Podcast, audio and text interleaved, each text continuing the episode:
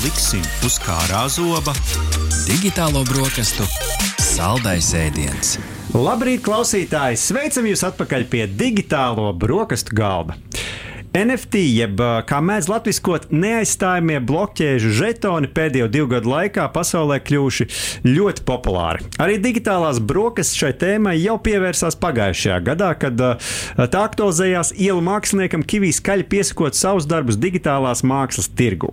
Kopš tā laika arī AirBaltika jau paspējusi izdot vairākus NFT, un pavisam nesen Andrijos tā atklāta pirmā NFT galerija Latvijā.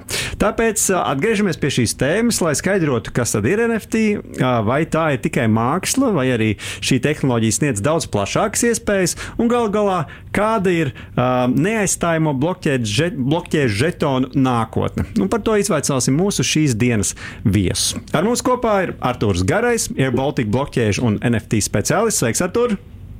Labrīt, labrīt! Un arī Līza Aizupieta, uh, Fintelum vadītāja. Labrīt, Līza! Labrīt, čau visiem! Lai mūsu klausītāji labāk saprastu arī jūsu to unikālo fonu, kāpēc šodienas sarunā esam aicinājuši tieši jūs, varbūt sākumā ieskicējam katrs, kāda ir tā jūsu pieredze ar NFT, ar blokķēdes tehnoloģijām, un tad jau iesim iekšā pie saturīgiem jautājumiem. Līdz sāksim ar tevi. Nu, pirmkārt, tīri no NFT, jeb šo neapmaināmajiem tokeniem. Man pieredze ir tikai tā, ka esmu lietotājs. Tad man ir konts kaut kur, kaut kāds, neteikšu, kur nevienu nereklamēšu, un, un, un ilgi skatījos, mēģināju kaut ko pirkt, pārdot, bet tomēr eh, nebūs mans. Savukārt profesionāli es esmu Fintelum kompānijas vadītāja, kas nodarbojās ar tieši pārvedamu tokenu ieviešanu dzīvē un tāds kā vīzijas izpildījumu tieši pūļu finansēšanā, jeb kopfinansēšanā, jeb crowdfundingā uh, sektorā. Bet nu, par to droši vien var arī pastāstīt vēlāk, tieši atšķirībā, uh, kas ir pārvedami un kas ir nepā, jeb pārvedami, jeb neaizstājami tokeni. Mm -hmm. Tad manā uh, profesionālajā uh, darbībā vairāk tie ir pārvedami un apmainām, jeb aizstājami tokeni. Mm -hmm. Artur, kā ar tevi? Nu, ar mani ir bijis savādāk. Nodarbojos šajā pasaulē jau kaut nu, ilgu laiku, te, teiksim tā, uh, profesionāli jau četrus gadus. Un, uh, Pēdējie, teiksim, tādi viena no lielākajiem projektiem, kas ir saistīti ar NFT, bija pagājušajā gadā augmentālās realitātes kompānija Hololūta, kur mēs dabūjām pasaules labāko augmentālās realitātes NFT. Un tad, nu, šobrīd esmu kā speciālists ar Baltikā un cenšos savas zināšanas arī ieviest šeit. Bet, nu, ar, protams, arī sāku kā lietotājs, un tad jau man aizrāva tik, tik interesanti tajā tehnoloģijā, ka nu, šobrīd ir grūti apstāties, teiksim tā. Lieliski. Nu, tad uh, iesāksim varbūt ar uh, Līzu un atgādināsim klausītājiem, kas tad ir NFT, jeb neaizstājamie blokķiešu žetoni un kāpēc neaizstājam. Mēs jau skaidrojām, ka attiecīgi uh, līdz tev noteikti ir reiz ļoti labs skaidrojums par šo, kāpēc tokeni, kāpēc tie žetoni. Uh, varbūt var izstāstīt mums. Um, svarīgi saprast NFT unikalitāti, jo tā principā ir indeksēta, neatgriezeniska un neviltojama patiesība, un to var izdarīt tikai blokķēdē. Tad, tad uh, blokķēde, kas savukārt tehnoloģija, kas nevienam nepieder, un vienlaicīgi pieder visiem, kas to lieto. NFTs sava, sava, pēc savas būtības nāk no ekonomiska terminoloģijas, kuru es personīgi savā pieredzē lietoju jau vairāk kā 12 gadus, jo savu laiku tirzniecībā praktiski visu laiku tika lietots šis izteiciens fungible, jeb apmaināms kaut kas. Pasaules tirgos fungible produkts ir kaut kas, kas ir standartizēts. Piemēram, standartizēta lota, kas sas, sas, no, sastāv no nezinu, kvalitātes noteiktas petrolejas barele vai graudu kaut kāds iepakojums. Tad tas ir fungible. Un šajā gadījumā kripto CryptoPunk ir izdomājuši, ka non-fungible tālajā 2012. gadā, starp citu, pirmais non-fungible tokens tika izveidots. Viņš savā veidā tika iekrāsots, ja padarīts unikāls. Un par to, par tā unikalitāti mēs varam spriest pēc pāris pazīmēm. Viens ir, viņam ir iedots kaut kāds digitāls identifikators, kas neatkārtojas.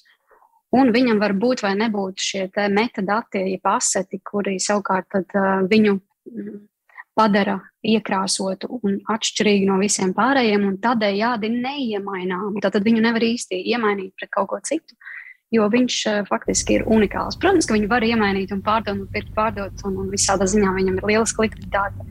Ja tam ir bijusi lieliska reklāmas kampaņa. Mm -hmm, mm -hmm. Bet tas jau ir cits stāsts. Un šeit metīsim izaicinājumu Arturam. Nu, tie biežākie stereotipi man šķiet, ka arī joki, ko apspēlē dažādi arī stand-up komiķi, ir par to, nu, nu, kur tā unikalitāte, kāpēc nevar vienkārši paņemt un nokopēt, un uh, gadsimta lielākā zādzība digitālajā vidē ir uzspiest uh, Ctrl-C Ctrl un gatavs. Varbūt var pastāstīt par šo, kā tas atšķirās vienkārši no tā, ka es uzzīmēju smuku bildīti un saglabāju kā failu un pēc tam pavairoju. Nu, tā, te, es uzreiz gribētu ņemt tādu pielīdzinājumu līdzi, jo ļoti visu pareizi pastāstīja. Respektīvi, mēs varam salīdzināt divas lietas. Piemēram, cilvēks zina, kas ir bitkoins, tad, piemēram, ja jūs pērkat un pārdodat šos bitkoinus, tad jūs vienmēr saņemat viens un tos pašus bitkoinus. Bet NFT, par cik viņš ir non-fungible, atšķirībā no bitkoina, kurš ir fungible, tu nespēsi eh, saņemt tieši tādu pašu NFT atpakaļ. Un, un tas notiek tikai tāpēc, ka eh, šiem te tiešām, kā jau Līza arī stāstīja, iekšā eh, katrā šajā NFT ir savi metadati, respektīvi noteikti informācija, ko uh, ieliek blokķēdē tātad šie cilvēki, kas viņu rada.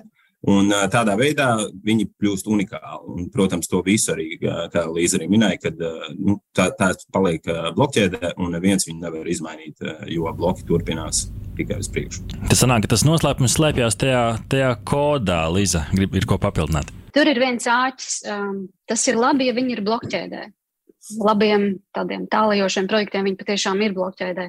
Bet lielai daļai viņi nav blokķēdē, viņi ir kaut kur uz ārēju serveri. Un uh, problēma uzreiz rodās tajā, ka šis NFT tokens dzīvo tikai tik tālu, kamēr šie metadati ir pieejami. Ja rīt notiek kaut kas ar šī servera īpašnieku un viņš vairs viņu neuztur, principā NFT ir uh, pilnīgi bezjēdzīgs. Tā kā tur ir viens no šiem kavietiem mm -hmm. ir uh, bet lielajiem, ja, kurus uh, lietotājiem un radītājiem ir jāņem vērā ar, ar domu par nākotni, par domu par to, kā viņš izdzīvos uh, šo laika pārbaudījumu. Lieliski pie riskiem. Cerams, vēl pieķersimies. Pieķersimies, bet tas, ko es uzreiz saklausīju šeit, ka vajag noteikti pārbaudīt, kur un, ko tu pēc, jo vienkārši kāds pasaka, ka tas NFT tur var arī iebērsties, bet par to kalšanu, Artur, varbūt vēl ir tāds, nu, anglis tas vārds mint to mint, veidot NFT, kā tad tā kalšana notiek? Nu, šeit jau kā Līza arī minēja jau par to, kur stāv šie dati, respektīvi kā, kā tika minēts, tad nu, tiešām 99% no projektiem neizmanto uh, IPFS, kas ir vistuvākais teiksim, blokķēdē, un viņi vienkārši izmanto savus serverus. Un, respektīvi, tas pats Mintiks, piemēram, no šī radītāja puses, ir, nu, protams, tev ir jāizveido šis dizains, un tad tu vari uh, uploadot šos failus iekšā blokķēdē pēc savas izvēles. Tas var būt Ethereum vai Flow. Nu, tur ir tiešām ļoti daudz iespējas izvēles. Uh, bet, uh, tad, respektīvi, tu šos datus uploado iekšā kopā ar šo te bildīti. Un tad, um, kad šis cilvēks pievienosies, viņš var viņu uh, izmantot, tātad izrakt ar savu kriptovalūtu vai arī pa brīvu. Bet vienmēr rakšanas procesā cilvēkam gan būs jāmaksā šīs gāzes izmaksas. Protams, arī atkarīgs no tās pašas blokķēdes. Bet uh, tehnoloģijas attīstās, un uh, šobrīd arī nāk ļoti interesantas lietas, kur uh, cilvēkiem pat drīzumā teiksim, tā nebūs uh, šī grūtā interakcija ar uh, maciņa izveidošanu un pēc tam uh, Eh, viņas sakonektēšanu un NFT nopirkšanu. Līdz man vēl viens precizējošs jautājums par to, vai NFT var uzskatīt par savu veidu gudro līgumu starp pircēju un pārdevēju. Un, nu, ja tas tā ir, tad kāds izpaužās? Jo ir dzirdēts par to, ka nu, ir iespēja tomēr kaut kā iekodēt tajā, ka, piemēram, man kā mākslas darba autoram ir kaut kādas tālāk ejošas tiesības. Vai tas parādās te NFT pusē, vai tomēr tas ir vēl kaut kas papildus? Nu, es gribētu, protams, uzreiz. Um mazliet šo te, um, mītu kliedēt, jo, lai cik tas kontrakts nebūtu gudrs, viņš tomēr nav gudrāks par civilās sabiedrības likumisko varu. Līdz ar to digitālais uh, ar reālo civilā sabiedrībā var savienoties tikai un vienīgi likuma ietvaros. Um, protams, ir, iz, ir izņēmumi, kurā pilnīgi decentralizēti finanšu instrumenti eksistē, un viņi ir ļoti gudri, bet viņi ir ļoti maz. Es personīgi zinu tikai par vienu, kurš tiešām nu, reāli varētu teikt strādā. Un, un, un, un, un šajā gadījumā, kurā mēs digitalizējam kaut ko, kam varētu būt digitālais ekvivalents, ir vai nu viņš ir bāzēts lietojamībā, un tiešām tam ir uh, pamatojums, un ar laiku iespējams arī uh, likumisks um, traktējums, vai arī tā ir tikai vīzija un butaforija, kas arī ir ok, bet līdz kurai um, vajag sapratnē nonākt, un tad arī iespējams vai nu likums to sadz, vai arī nesats.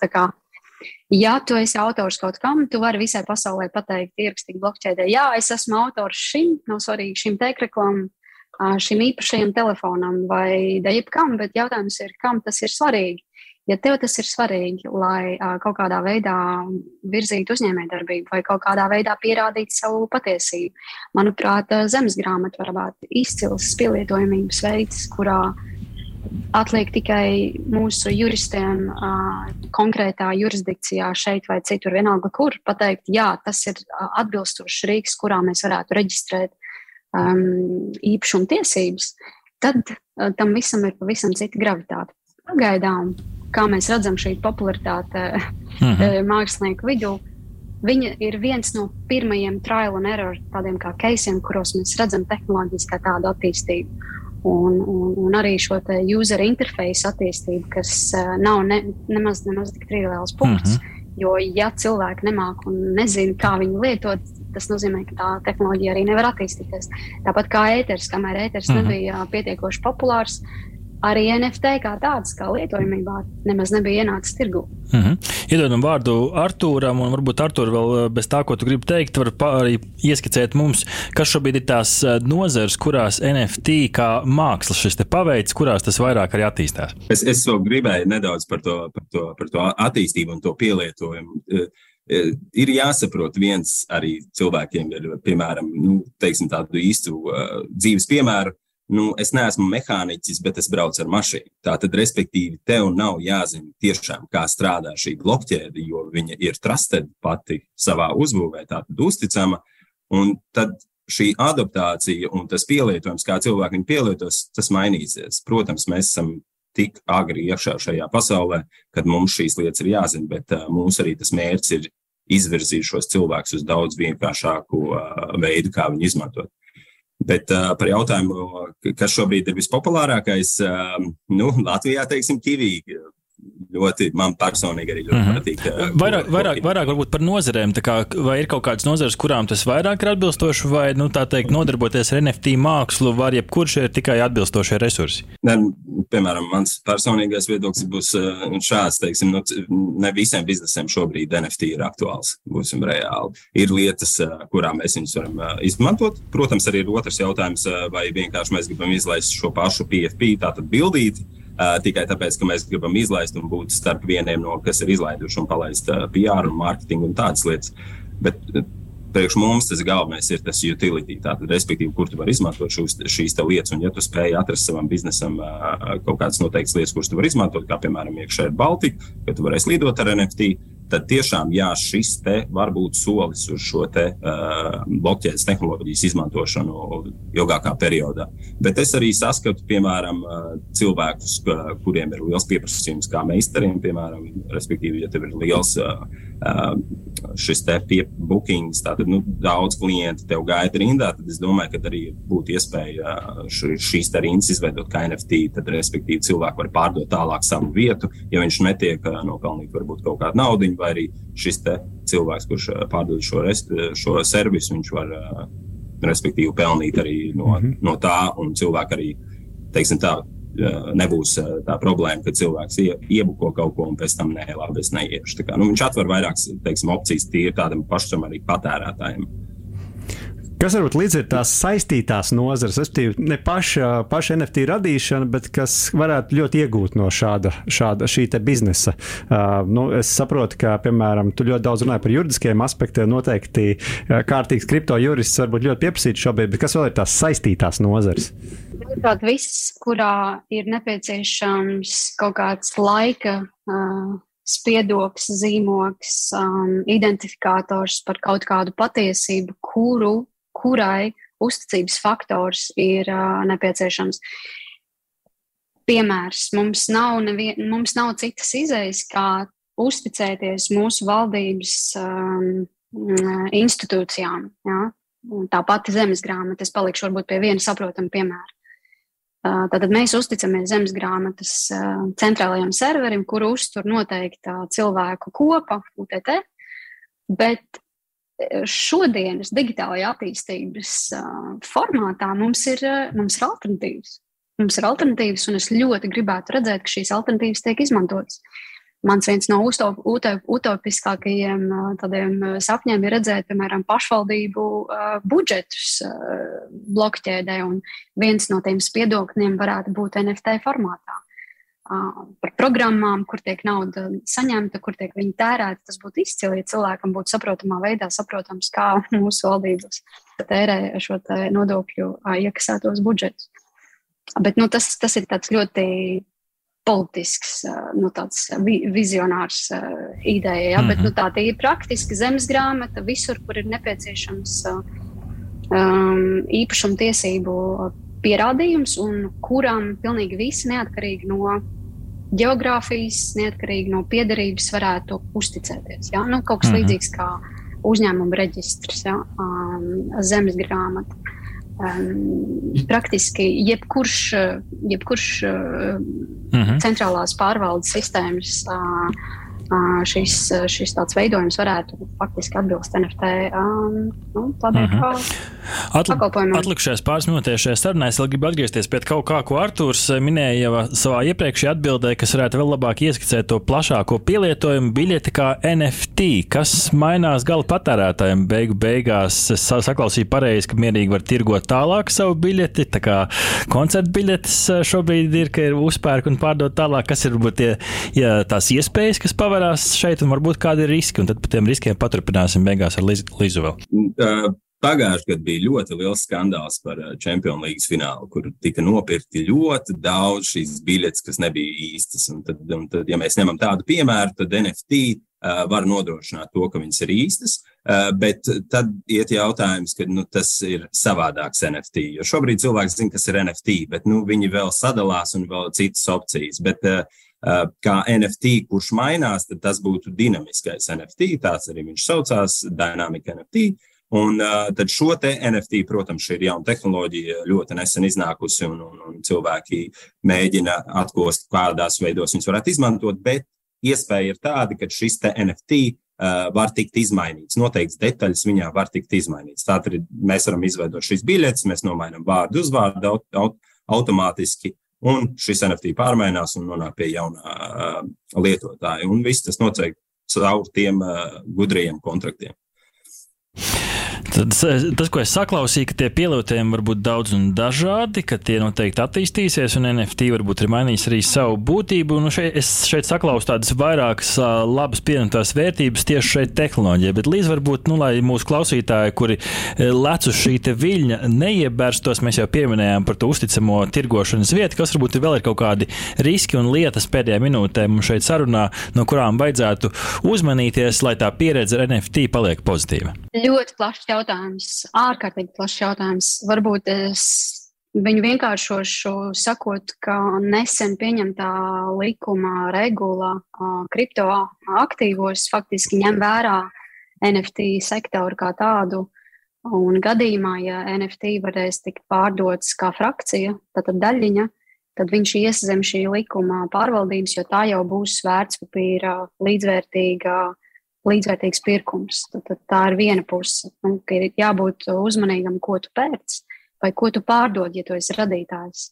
Tad, tad eh, noteikti apskatīties uz es, esošo likumu un saprast, vai tas, ko tu pārdosi, ja tu esi radītājs, ir likuma ietvaros.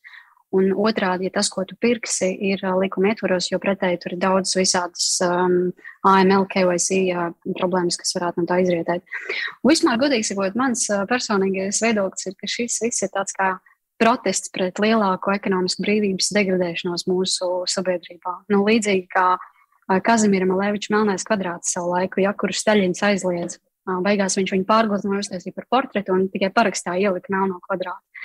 NFT savā ziņā, jā, viņš ļauj mums būt brīviem, atkal tirgoties ar fancikiem, fancikas taisīt, radīt un, un, un savā ziņā šo spēli uh, risināt. Uh, viens no lielākajiem riskiem ir tas, ka uh, ir dažādas blokķēdes, un viņas savā starpā nerunājas. Ir dažādi marketplace, jeb tirgošanās vietas, kur, ja viens un tas pats mākslinieks parādās te, daudzās vietās, tas, tas varētu būt kaut kāds fake. Uh -huh. ja, mhm. ja klausītājs ir pircējs, par to ir jāuzmanās.